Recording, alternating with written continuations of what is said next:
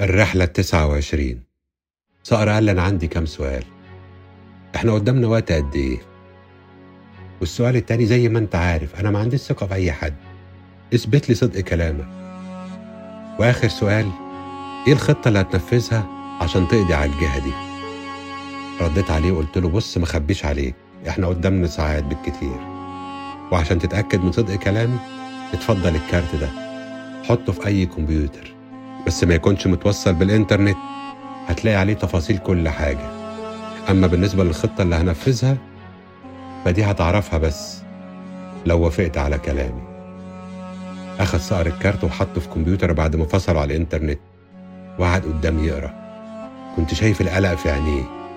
عينيه كانت تايهة في شاشة الكمبيوتر. فضل يقرأ بمنتهى التركيز لحد ما حسيت إن الرعب ملأ قلبه وخلص قراية وسند دماغه على الكرسي. وغمض عينيه وأخد نفس عميق وقال لي أغرب رد كان ممكن أتوقعه منه. قال لي خليهم يجهزوا عشان يفجروا الجبل خلي القوات تستعد. قلت له أنت مجنون؟ هنموت كلنا. قال لي اعمل زي ما بقول لك كده. بس لثانية كده حسيت إنه بيختبرني. عاوز يشوفني هبلغهم إزاي. ورفع مسدسه في وشي وقال لي نفذ اللي بقول لك عليه. قلت له ماشي. تعالى معايا الأوضة بتاعتي. وقمنا أنا وهو ودخلنا الأوضة. كنت زارع شريحة في صخر الجبل. طلعتها ودوست على ركن فيها. وفي لحظات سمعنا أصوات طيارات فوقنا.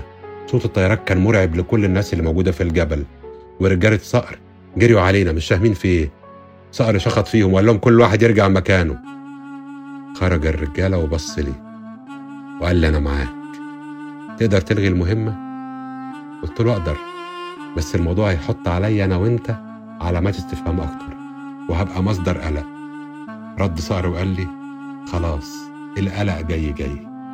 نفذ وأنا معاك.